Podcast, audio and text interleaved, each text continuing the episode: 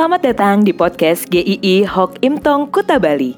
Penginjil Ray Reginaldi akan membagikan renungan harian singkat untuk membawa Anda mengenal dan menyembah Tuhan Yesus, bertumbuh dan menjadi murid Kristus, serta berdampak untuk banyak orang. Jika Anda merasa diberkati melalui renungan ini, silahkan bagikan podcast ini agar orang lain juga diberkati.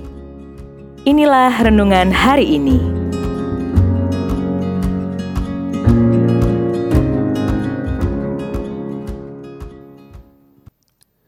Kekuatan Tuhan. Yesaya 26 ayat keempat. Percayalah kepada Tuhan selama-lamanya. Sebab Tuhan Allah adalah gunung batu yang kekal. Kita tentu percaya kepada Tuhan. Tetapi ada orang Kristen yang dalam masa-masa sulit bisa saja mulai meragukan Tuhan, bukan menyangkali Tuhan, tetapi memang kadangkala ada pertanyaan-pertanyaan tentang Tuhan itu muncul di benak kita. Firman Tuhan mengatakan hari ini, percayalah kepada Tuhan selama-lamanya, sebab Tuhan Allah adalah gunung batu yang kekal. Percaya kepada Tuhan bukan percaya yang buta, tetapi ada alasan yang benar. Kita bukan mempercayai yang tidak bisa dipercayai, tetapi mempercayai yang jelas terbukti dan terjamin bisa dipercaya. Tuhan dikatakan gunung batu yang kekal, atau terjemahan lain mengatakan kekuatannya kekal. Berkali-kali dikatakan di dalam firman Tuhan bahwa Allah adalah gunung batu, tempat yang dipandang sebagai perlindungan yang kuat. Kekuatan Tuhan tidak pernah menurun, tidak pernah berakhir. Kekuasaan manusia di dalam dunia ini silih berganti, tidak ada orang yang abadi yang bisa mempertahankan kekuatannya. Tetapi Tuhan itu kokoh, tidak ada yang bisa mengguncangkannya, tidak ada yang mampu mengkudetanya, dan Dia Allah yang kekal. Tetapi Allah yang Dia Allah yang kekal. Tetapi Allah yang memiliki kekuatan yang sempurna itu adalah Allah yang mengasihi manusia yang kecil dan terbatas juga sementara. Kita ini lemah Seringkali kita ini lemah.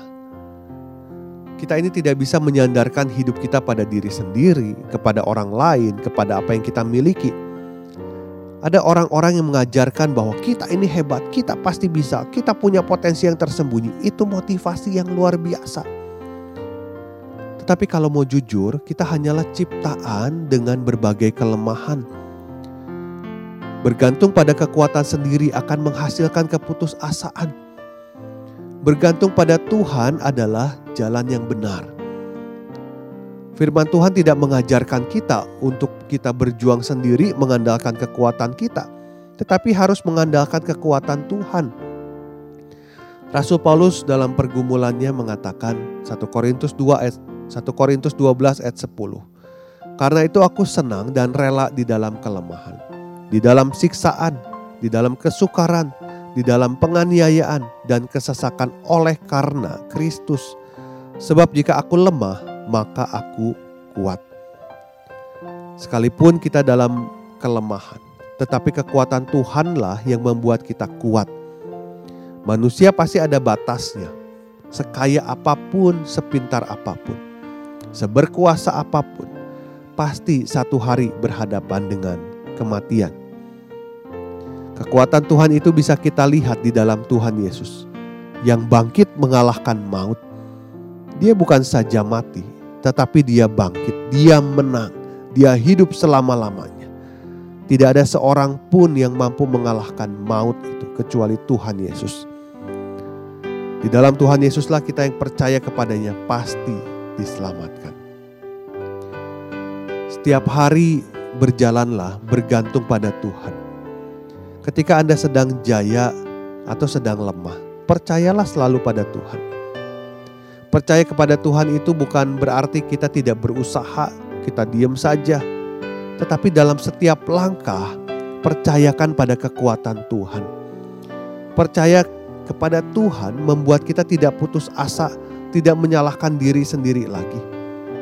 Tetapi kembali menjalani kehidupan dengan penuh pengharapan kepada Tuhan Percaya kepada Tuhan membuat kita melihat masa lalu, masa kini, dan masa depan ditopang oleh Tuhan. Hidup ini bukan berjalan karena kekuatan kita, tetapi karena ada kekuatan Tuhan yang sempurna yang menopang kita. Carolina Sandelberg kehilangan ayahnya yang terjatuh ke laut dan tenggelam. Di tengah kesedihan itu, dia menuliskan sebuah syair lagu berjudul Blood and Duck yang dikenal dalam bahasa Inggris Day by Day dan dalam bahasa Indonesia kekuatan serta penghiburan. Sepenggal syairnya mengatakan begini, kekuatan serta penghiburan diberikan Tuhan padaku. Tiap hari aku dibimbingnya tiap jam dihibur hatiku. Dan sesuai dengan hikmat Tuhan, ku diberi apa yang ku perlu. Suka dan derita bergantian akan memperkuat imanku. Tuhan memberkati.